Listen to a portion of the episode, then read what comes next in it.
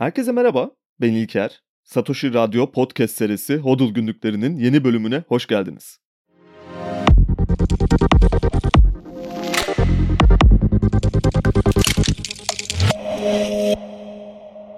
Gregor Samsa bir sabah huzursuz düşlerinden uyandığında kendini yatağında kocaman bir böceğe dönüşmüş buldu. Panzer gibi sert sırtının üzerinde yatıyordu ve başını biraz kaldırdığında tepesinde yorganın neredeyse kaymak üzere olduğu kubbe gibi yuvarlak, kahverengi, yay biçiminde sert çizgilerle boğum boğum olmuş karnını gördü.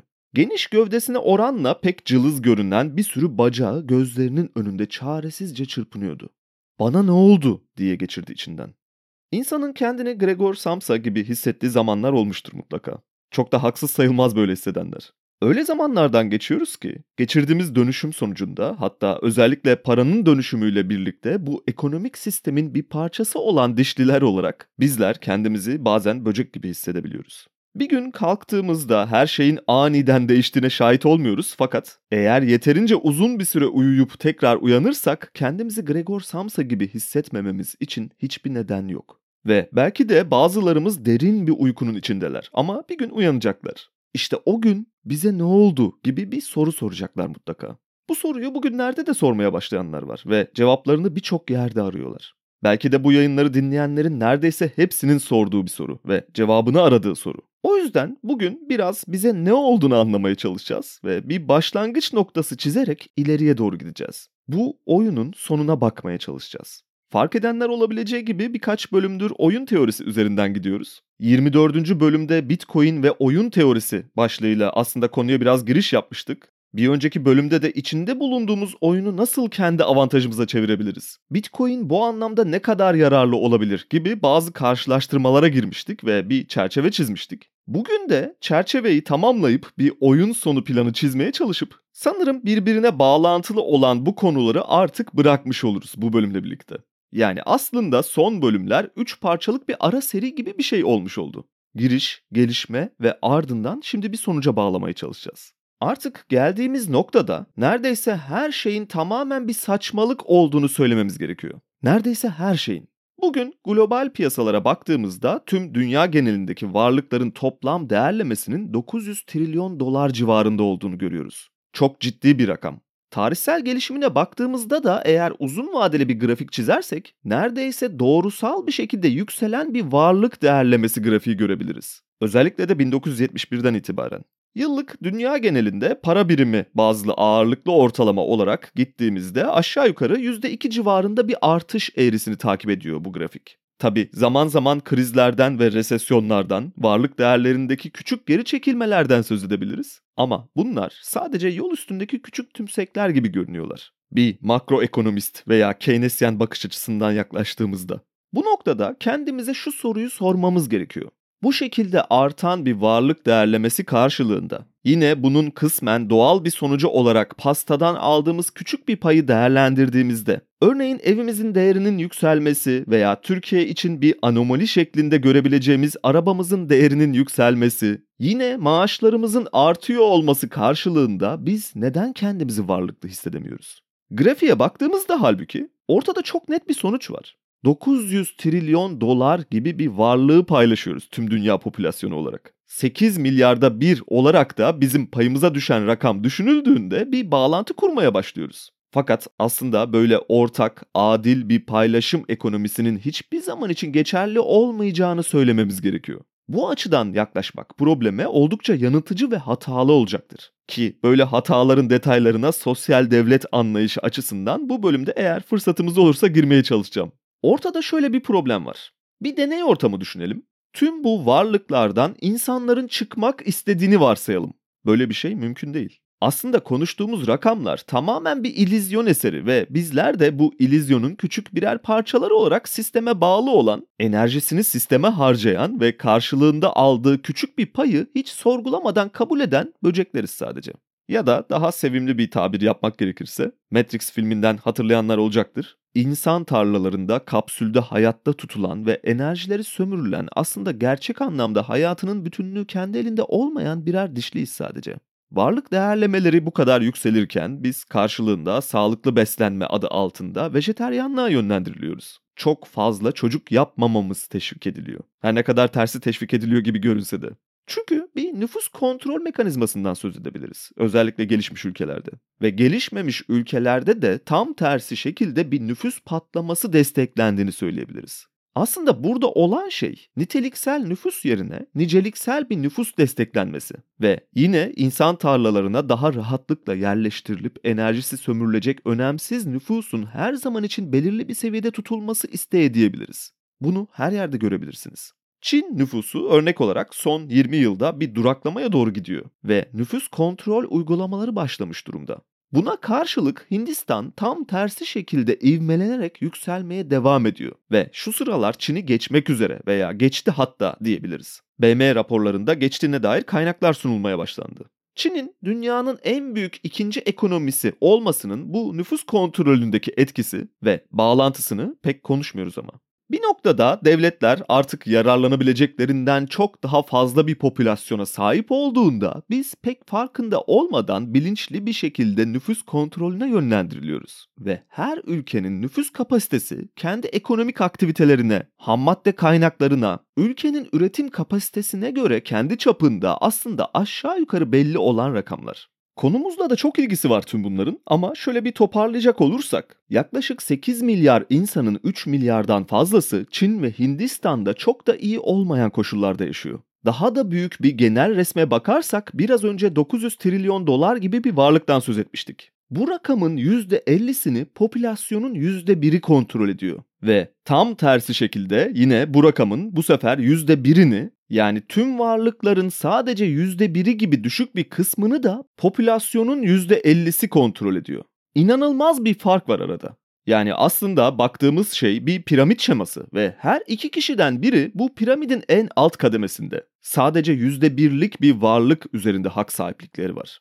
Daha da acı olan tarafı bu en alt kademedeki %50'lik grubun benim besin zincirine benzettiğim bu piramit şemasında yukarı doğru çıkmalarının hiçbir yolu yok. Coğrafi bir açıdan bakarsak duruma da karşımıza yine çok şaşılmayacak bir sonuç çıkıyor. Kuzey Amerika ve Avrupa'nın toplamı global varlığın yaklaşık olarak %70'ini kontrol ediyor.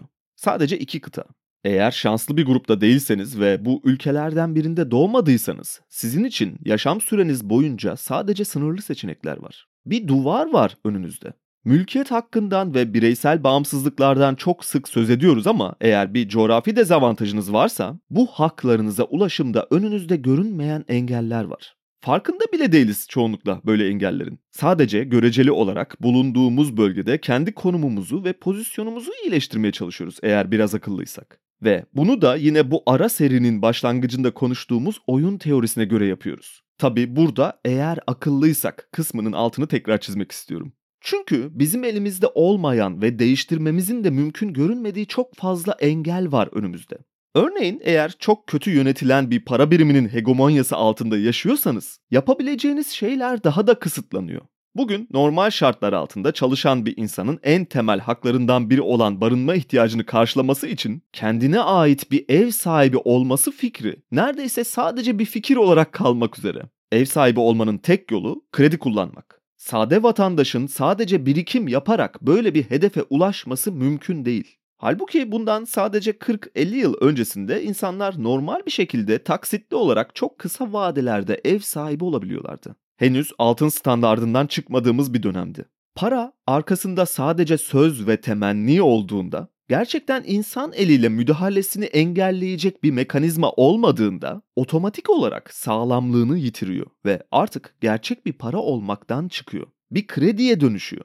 Bugün içinde bulunduğumuz sistemi de zaten basitçe kredi sistemi olarak düşünebiliriz. Çünkü kullandığımız kağıt parçalarının işlevi başka birisinin ya da bizim gelecekte bir zamanda elimizdeki kağıtların karşılığını ödemek üzerine verdiğimiz verdikleri sözler üzerine kurulu. Fakat borç veya kredi çok açık bir şekilde ödenmek üzere alınmıyor. En azından devletler nezdinde durum böyle ve borçlanma limitleri her ülke için konulan sınırlar olmasına rağmen aynı bir tiyatro izliyor gibi zaman sınırları geldiğinde veya borç limitine ulaşıldığında bu limitlerin küçük bir tiyatro eşliğinde sanki zoraki bir şekilde bir daha gerçekleşmeyecek şekilde yükseldiğine şahit oluyoruz. Hükümetler her dönem tekrar ve tekrar borçlanmayı limitleyeceklerini ve kemer sıkacaklarını söylüyorlar. Güven oyu istiyorlar. Aynı hükümetin politikacıları sadece 4 veya 5 yıllığına görevde kalacaklarını çok iyi bildiklerinden dolayı çok daha uzun bir vadede sonuçlarının görüleceği acı reçeteleri hiçbir zaman için uygulamıyorlar. Sistem tamamen yozlaşmış durumda ve bireysellerin aleyhine işliyor. Herhangi bir bürokrat, hükümet yetkilisi ve çevresi devlet görevlerini yürütürken genellikle makul ücretlerle maaşa bağlanıyorlar. Fakat emekli olduklarında birçoğunun milyonlarca dolar servetlerine şahit oluyoruz. Nasıl oldu bu diye sormuyoruz. O kadar alışıldık bir duruma gelmiş bir şey ki özel sektörde çalışan herhangi birisi böyle görevlerde bulunanlardan yarı yarıya az kazanıyor olsa bile aynı emeklilik dönemine geldiklerinde eğer şanslılarsa sadece bir ev, bir araba ve yine çok daha şanslılarsa ekstra olarak bir yazlıkları olabiliyor. Aradaki ücret farkı sonunda ulaşılan noktadaki uçurum farkını açıklamaya yetmiyor varlık kalemlerinin nasıl dağıtıldığıyla ilgili neredeyse en ufak bir fikrimiz yok. Fikrimiz olduğunu düşündüğümüz konularda bile gerçekte hiçbir fikrimiz yok. Bugün 900 trilyon dolarlık varlık dağılımına baktığımızda 330 trilyon dolarlık bir konut, gayrimenkul görüyoruz. 300 trilyon dolarlık tahvil piyasası görüyoruz. 120 trilyon dolarlık para piyasası görüyoruz. 115 trilyon dolarlık hisse senedi, pay piyasası görüyoruz tamamen finansal bir kaldıraca dönüşmüş durumdaki sadece bu varlıkları topladığımızda 865 trilyon dolar yapıyor. Ve likit olmayan varlıklar bunlar. Burada ciddi bir risk var. Likidite problemlerini zaman zaman yaşıyoruz ve ilk elden şahit oluyoruz ama tam olarak bir likidite krizini çok çok uzun bir süredir tecrübe etmediğimizi düşünüyorum. Belki bu noktada akıllara şöyle bir soru işareti gelebilir. İyi de 115 trilyon dolarlık para piyasası nasıl likit sayılmıyor diye sormuş olabilirsiniz. Ya da sormadıysanız ben sizin yerinize sormuş olayım ve uzun cevabı da belki başka bir gün cevaplamak üzere havada bırakalım. Sadece kısa bir şekilde değerlendirirsek, para piyasalarının neden likit olmadığını anlamak için bankacılık bilançolarını ve hesaplarını kontrol etmeniz yeterli diyebilirim. Bir başka açıdan daha yaklaşalım şimdi. Biraz önce yaptığımız hesaplamayı başka şekilde göstermek istersek şöyle diyebiliriz toplam varlıkların en azından %96'lık kesimi çünkü 865 trilyon dolar böyle bir yüzde yapıyor. İşte bu %96 aslında tamamen bir saçmalık. Hatta neredeyse uydurma bile diyebiliriz. Hiçbir zaman için gerçek, sağlam bir varlığa dönüşemeyecek ve sadece fiktif olarak varlığı kabul edilen bir deli saçması bile diyebiliriz. Bunun üstüne birkaç benzetme daha eklemek isterdim ama isterseniz şimdilik o kadar ileriye gitmeyelim. Geri kalan 35 trilyon dolara geçelim isterseniz. Bunlar elle tutulur, gözle görülür ve gerçekten takas edilebilir reel varlıklar. Sanat ürünleri, koleksiyon parçaları ve altın gibi varlıklar oluşturuyor pastanın bu kısmını. Ve yine burada da reel olarak bir değerleme problemini öne sürebiliriz. Önümüzdeki baktığımız tablo aslına bakarsanız inanılmaz bir çılgınlığın eseri. Ne kadar ve nereye kadar süreceğini tahmin bile edemeyeceğimiz küresel bir çılgınlık. En büyük etmense sağlam bir değer önerisi olmayan para birimlerinin kendisinde saklı. Önümüzde şöyle bir problem var. Varlıkların fiyatlarının yükselmesi gerekiyor ki reel bir kazanç ortaya sunulsun. Bunu yapabilmenin en kolay yolu ise para birimini devalüe etmek. Değerini düşürmek yani. Reel sektörü kısmen yansıtan pay piyasalarını bir kenara alırsak ki yine oraya sonra geleceğiz. Şimdilik sadece gayrimenkul ve tahviller üzerinden gitsek bile toplamda 650 trilyon dolarlık bir piyasadan söz ediyoruz. 300 trilyon dolarlık tahvil piyasası reel ekonomiye gerçek manada baktığımızda hiçbir katkısı olmayan ama bunun yanında varlıkların park edildiği bir ilizyon eseri. Aynı zamanda devletlerin en kolay borçlanma araçları. Büyümeye yönelik bulduğumuz tek çözüm de işte bu asetlerin fiyatlarını manipüle etmek ve ülke bazında büyümeleri pompalamaya çalışmak gerçek üretimden kaynaklı büyümeler, reel sektörün araçlarının piyasada gerçekten de büyüyor olduğunu söylemek neredeyse mümkün değil. Çünkü ölçüm biriminin kantarı düzgün çalışmıyor. Bozuk bir kantarla tarttığımız her nesneyi istediğimiz herhangi bir ölçüde çıkartabiliriz. Ve yaptığımız tek şey de bu zaten. Bu yüzden reel ekonomideki para henüz daha tabana yayılamadan fiktif varlıklara doğru kaydırılıyor ve hiç kimseye gerçek manada yine neredeyse hiçbir katkısı olmayan herhangi bir bireyselin hiçbir zaman ulaşamayacağı bir uzaklıkta bulunan bir değere dönüşüyor. Ayrıca reel ekonomide gerçekten iş yapan ve üretimde bulunan şirketler açısından da ortada ciddi bir çıkmaz var. Onların gerçekten büyüyor olmaları gerekiyor. Fiktif araçların ilizyonuna kapılmadan şirketlerin değerlerini yükseltiyor olmaları gerekiyor Hisse senetleri ve şirketler tarafına geleceğiz demiştik. Eğer bu şirketler değerlerini reel olarak yükseltemezse onlar için ortada büyük bir problem var demektir. Böyle bir zorunluluk yerine çok rahatlıkla gelirlerinin büyük bir kısmıyla sadece tahvil alarak, gayrimenkul alarak veya benzer yatırımlar yaparak büyüyebiliyor olduklarını söyleyebilirdik. Ama böyle bir şey mümkün değil. Gerçekten büyüyor olmak demek, üretim kapasitelerini arttırmak, çalışan sayılarını yükseltebilmek ve pazar paylarını büyüterek sektörlerinde kendi değerlerini yukarıya taşımak demek. Fakat bunu çok az şirketin yapabildiğini görüyoruz. Evet, şirketlerin ciroları ve kaynakları artıyor gibi görünüyor. Evet, gelirleri ve genel bilanço rakamları büyüyor gibi görünüyor. Tüm bunlara rağmen ortada gerçek bir büyümeden söz etmek mümkün değil. Çünkü ölçüm birimi yani kağıt paralar hemen hemen bu büyümeyle aynı oranda ve hatta daha yüksek bir oranda değer kaybediyor. Son 10 yılda TL dolar bazlı olarak 20 kat civarında değer kaybetti. Yani dolara karşı %95 değerini kaybetti. Aynı süre içinde dolar daha sağlam bir ölçüm birimi olarak kabul edebileceğimiz altına karşı ortalama olarak %40 değer kaybetti. TL üzerinden çalışan bir firmanın son 10 yılda kaç kat büyümesi gerektiğini buradan çok rahatlıkla çıkartabilirsiniz. Üşengeç olanlar için ben söyleyeyim. Neredeyse 40 kat. Eğer son 10 yılda bir şirket 40 kat büyüdüyse ancak o zaman yine hala hatalı olan bir karşılaştırma ölçütü bakımından değerini yerinde tutmuş olabiliyor. Bu inanılmaz bir rakam. Pay piyasalarında halka açık bir şekilde işlem gören şirketlerden ancak bazıları bunu başarabiliyor. Ve problem burada da bitmiyor aslında. Belki de bakılması gereken en önemli nokta enflasyon karşılaştırması olmalı. Önümüzde yine şöyle bir problem var bu seferde. Enflasyon rakamlarını gerçekten tahmin etmemiz veya tam olarak belirleyebilmemiz mümkün değil. Bunun iki nedeni var. Birincisi bize gösterilen rakamlar gerçeklikten tamamen uzak tahminlerden oluşuyor. Enflasyon sepetinin içinde ne olduğundan bile emin değiliz uzun bir süredir. Kaldı ki içinde ne olduğunu tam olarak bilsek bile hangi ürün etiketi üzerinden belirlendiğinden de haberimiz yok. Enflasyon sepetlerinde yapılan en kritik müdahale genellikle aynı ürünlerin farklı kalitede olanları arasından en düşük fiyatlı olanların sepette değerlendirilmesi ve asıl tüketicinin tercih ettiği veya tükettiği ürünün fiyat değişiminin sepette hiçbir etkisinin olmaması. Yine bunun yanında sepetteki ürünlerin ağırlığının tüketicinin tüketim alışkanlıkları ve ihtiyaçlarını yansıtacak ölçüde düzenlenmiyor olması.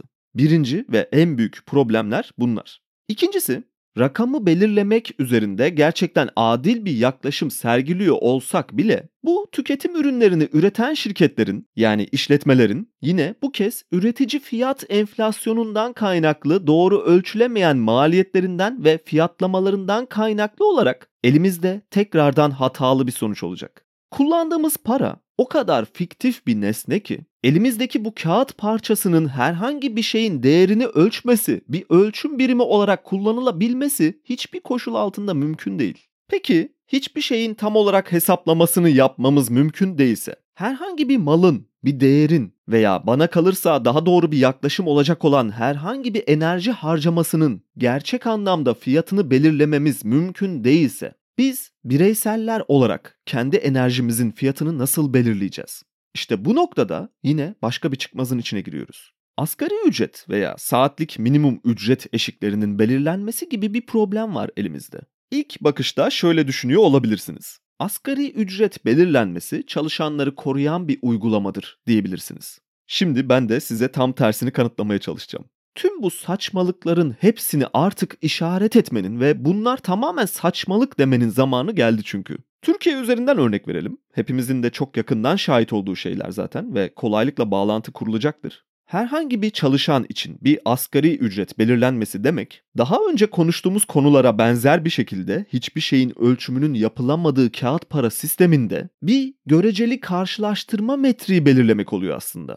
Yani asgari ücret adil bir ücret ödemesinden ziyade tüm çalışanlar için göreceli olarak maaş belirlenmesi metrine dönüşüyor. Son zamanlarda çalışanlardan sıklıkla asgari ücrete doğru bir toplanma ve birleşme üzerine eleştiriler gelmeye de başladı. Ve bu limit belirlemenin doğal bir sonucu aslında. Enerjinin saklanma ve sonradan harcanma üzerine iş gücüne katılması üzerinden ücretlendirme politikası belirlemek kolay bir iş olmayabilir. Evet. Fakat bunun çözümü adil bir ortam için asgari ücret belirlemekten geçmiyor. Hatta tam tersine serbest bir ücret politikası belirlemekten geçiyor. Asgari ücret otomatik olarak piyasada şöyle bir şeye dönüşüyor. İş gücüne katılımı ve katkısı, harcayacağı enerjinin göreceli değeri asgari ücretin altında olan birisi doğal olarak işsiz kalmış oluyor. İş gücüne katılmasının önü kesilmiş oluyor. Yani asgari ücret bir bakıma işsizliği arttıran ve iş gücünü baltalayan, göreceli olarak düşük değerlemedeki iş gücüne sahip olan insanların elinden çalışma özgürlüğünü alan bir şey. Çok basit bir örnek üzerinden daha gidelim. Devletlerin asgari ücret politikasında yapılan değişikliklerde işverene yük olarak örneğin maaş ödemelerinde yapılacak bir %50 zam politikası aynı zamanda birçok kişinin işsiz kalıyor olması demek. Çünkü işverenler bir noktada yükselen asgari ücrete karşın emek ve enerjisinin o kadar değerli olmadığını düşündüğü çalışanlardan kesintiler yapmak durumunda kalacak ve işten çıkartmalar başlayacak. Hala belki tam tersini savunuyor olabilirsiniz. Problem yok. Yine de asgari ücretin insanlara bir maaş savunması yarattığını ve işverenlerin daha altına düşemeyeceğini garanti ettiğini, çalışanların eline bir koz verdiğini düşünüyor olabilirsiniz. O halde size kayıt dışı çalışmaya bakmanızı öneririm. Ve özellikle göçmenlerin ülkemizdeki çalışma hayatına girişlerini fiili olarak uygulanamayan asgari ücret politikasına rağmen yüksek ücretli işçilerin yerini aldığı örneklerini kontrol etmenizi tavsiye ederim. Yani piyasa aslında bir limit belirlenmesine rağmen yine de kendi dengesini bir şekilde bulmaya çalışıyor ve her iş göreceli olarak kendi değerine uygun bir iş gücünü ortaya çıkartıyor. Buradaki problem aynı konut kiralarındaki sınırlamaya benzer bir şekilde aslında kendini gösteriyor. Serbest piyasaya müdahale ederseniz piyasa bir şekilde kendi karşı yöntemlerini geliştirecektir ve serbest olmasa bile bu sefer istediği sonucu alabilmek için etik ve hukuk dışı yollara başvurmak zorunda kalacaktır. Bu tarz müdahaleler aslında işleri güvenceye almaktan ziyade herkes için güvenlik ortamını yok eden ve herkesi alt sınırda birleştiren eşitlik ve adillikten tamamen uzak yaklaşımlar. Fiyat hareketlerini, piyasanın alışkanlıklarını ve kararlarını kontrol edemezsiniz. İplerin sizin elinizde olduğu izlenimini vermeye çalışabilirsiniz ve büyük bir kalabalığı iplerin elinizde olduğuna ikna edebilirsiniz belki. Ama reel ekonomide günlük alelade bir şekilde gerçekleşen realite her zaman kendi kurallarını ve dengesini bir şekilde belirleyecektir. Yine bir başka örnek olarak son bir müdahaleye göz atarsak o da araç konusu olabilir. Hatırlayanlar olabileceği gibi son zamanlarda ikinci el araç fiyatlarında belirli bir sınırlama ve düzenleme getirilmeye çalışıldı. Araç piyasası serbest fiyat belirleme konusu için en güzel örneklerden biri çünkü çok ilginç bir gelişme oldu. İkinci el fiyatları sıfır araç fiyatlarından fazla olarak ilan açılamaz gibi bir düzenlemeye karşı bu piyasada işlem yapan katılımcılar oldukça doğal bir şekilde hatırlayabileceğiniz gibi enteresan bir yöntem geliştirdiler. İlana koydukları rakamlarda bazı sıfırları atarak tabela fiyat belirlediler ve aynı şekilde takas ticaretlerine devam etmeye başladılar. Bu dahiyane bir fikir değil oldukça doğal bir şekilde her sınırlı piyasada geliştirilebilecek ve sistemin virüsüne karşı bir bağışıklık geliştirmek gibi bir şey. Aslında rasyonel bir şekilde baktığımızda. Yaptıkları şey de problemler görüyoruz olabilir. İkinci el araçların fiyatlarının mantıksızlığı üzerine de konuşabiliriz. Ama bunlar bizim başlıklarımız arasına pek girmiyor ve burada sadece fiyat hareketleri, fiyat belirlenmeleri ve göreceli takas birimleri üzerinden insan davranışlarına bir göz atıyoruz sadece. Araçların tabela fiyatından sıfırların atılmasıyla paradan sıfır atılmasının arasında neredeyse hiçbir fark göremiyorum. Ve ikisi de aynı problemli durumun ortak bir sonucu aslında. Rakam sadeleştirmelerine gidip sıfırlarla oynayabilirsiniz fakat bir malın değerini serbest piyasa belirleyecektir mutlaka sonunda.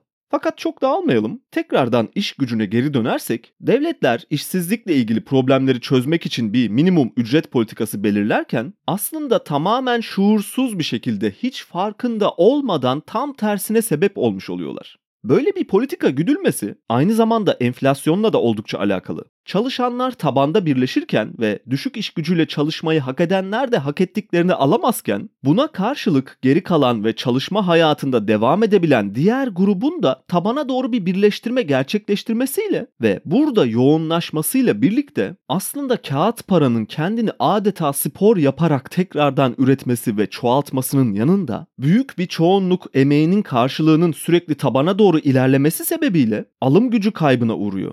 Cümle biraz karışık görünebilir, farkındayım. Şöyle belki açabiliriz.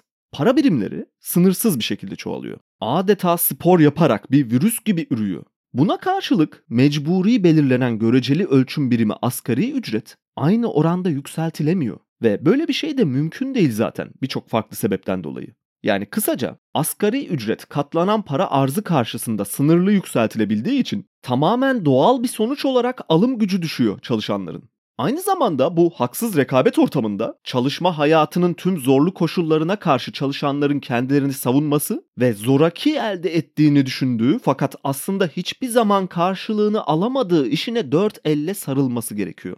Yani çözüm olarak sarıldığımız sistem aslında günün sonunda çalışanların en büyük kabuslarının sebebinin temelinde yatan gizli özne. Kısaca toparlarsak tüm bunların hepsi büyük bir saçmalıktan ibaret ve hatta deli saçması.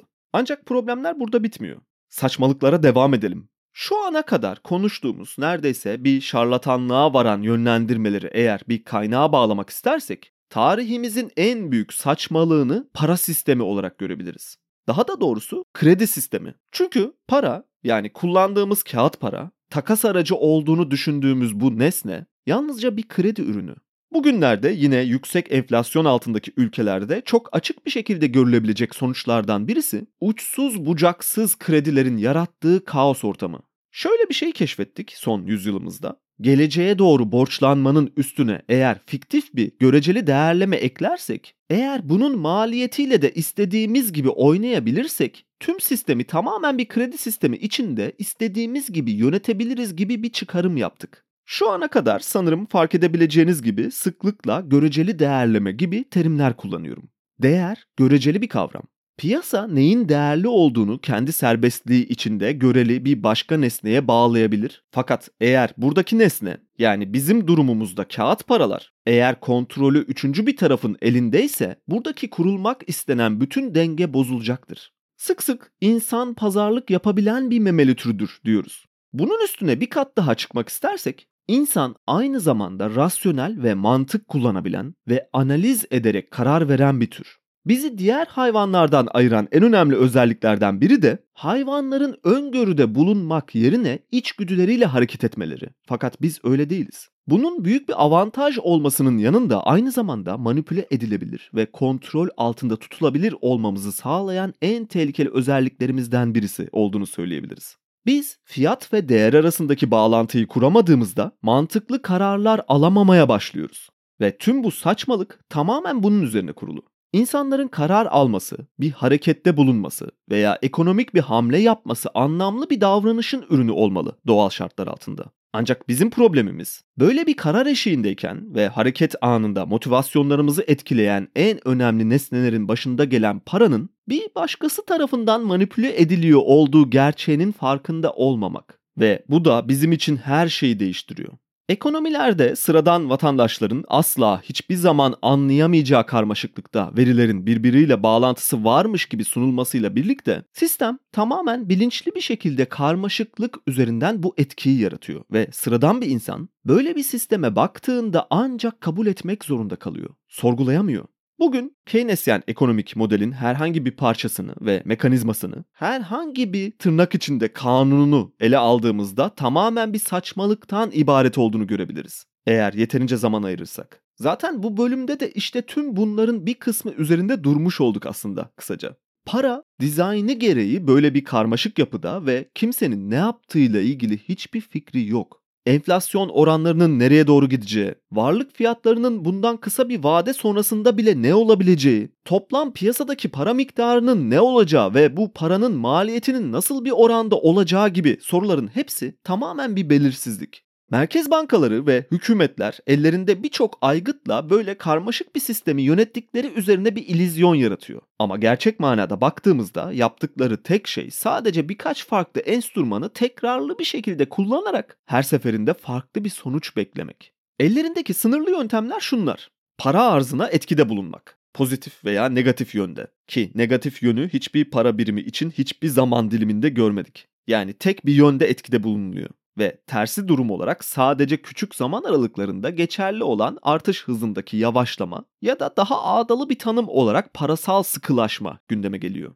Yani yapabildikleri en iyi şey arzın parabolik eğrisini yavaşlatmaya çalışmaktan başka bir şey değil. Eğer o da bu acı reçeteyi almak isterlerse ve alırlarsa da ekonomik durgunlukla mücadele etmek için hazırlıklı olmaları gerekiyor. Kolay kolay kimsenin tercih edeceği bir yöntem değil bunlar. Öyleyse ellerindeki sınırlı araçlardan biri olan para arzı aslında bir takas birimi olmaktan ziyade devletlerin ve merkez bankalarının büyüttüğü bir virüs olarak artık durduramayacakları veya kontrol altında tutamayacakları bir noktaya ulaşmış. Otoriteyi hatta kendine teslim almış bir araç. Bunun yanında müdahale edebildikleri diğer tek şey ise bu kontrol altında tutamadıkları virüsün dolaylı yollardan yayılmasını ve tüm toplumu etkisi altına almasını engelleyebilecek paranın maliyeti ayarlamasına gitmek. Bu da fiktif bir ayarlama. Çoğunlukla da yine tercih edilemeyecek kadar tehlikelere yol açabilecek bir kontrol düğmesi. Eğer paranın maliyetini çok fazla yükseltirlerse bu kez kredi sistemi tekrardan arz konusundaki problemin bir benzeri olan dar boğaza çok rahatlıkla girebilir ve tekrardan duraklama, gerileme, ekonomilerde küçülmeler görülebilir. Aslında her şey değerinin ne olduğunu tam olarak belirleyemediğimiz ve hiçbir zaman da kontrol edemeyeceğimiz fiktif, yapma ve ilizyon eseri olan kağıt paranın göreceli fiyatlamasına bağlanmış durumda ve yapılabilecek hiçbir şey yok eğer tamamen bu saçmalıkları reddedip gerçekleri kabul etmezsek. Bir sabah mutlaka bir gün kendimizi huzursuz düşlerden uyanan bir böcek gibi hissedeceğiz. Eğer hala öyle bir sabah yaşamayanlar varsa tabii alım gücümüzün sürekli düştüğü ve maaş zamlarının aradaki farkı karşılamadığı, doğrudan ve dolaylı yollardan alınan ve sürekli artarak devam eden vergilerle birlikte elimizde neredeyse hiçbir şeyin kalmadığı ve hatta bazen ödediğimiz bir verginin münferit ve isteğe bağlı bir şekilde kolayca ikinci bir kez daha istenebileceği bir sabaha uyanacağız. Aldığımız kararların neredeyse hiçbirinde özgür ve hür bir şekilde tamamen kendimize ait motivasyonlarla hareket etmediğimiz ve neredeyse hemen hemen her konuda bambaşka saçmalıklarla birlikte yönlendirildiğimizi, ayrıca bunu fark etsek bile elimizden hiçbir şey gelmeyeceğini fark edeceğiz. Bir gün harcadığımız enerjinin karşılığı olarak takas ettiğimiz kağıt parçalarının aslında tamamen fiktif ve matematiksel bir gerçekliği olmayan, sadece çılgınca bir hayal ürünü olduğunu, hiç kimsenin ne yaptığının farkında olmadığını göreceğiz. Tüm bunları fark edeceğiz, göreceğiz, anlayacağız. Fakat yine de o sabah yatağımızdan huzursuz düşlerle uyandığımızda aynı Gregor Samsa gibi kendimizi bir böcek olarak bulacağız. Sonra da soracağız. Bize ne oldu böyle?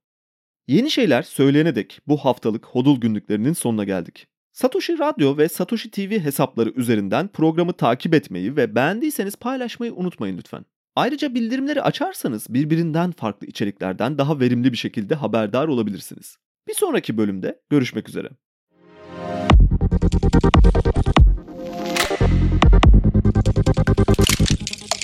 Müzik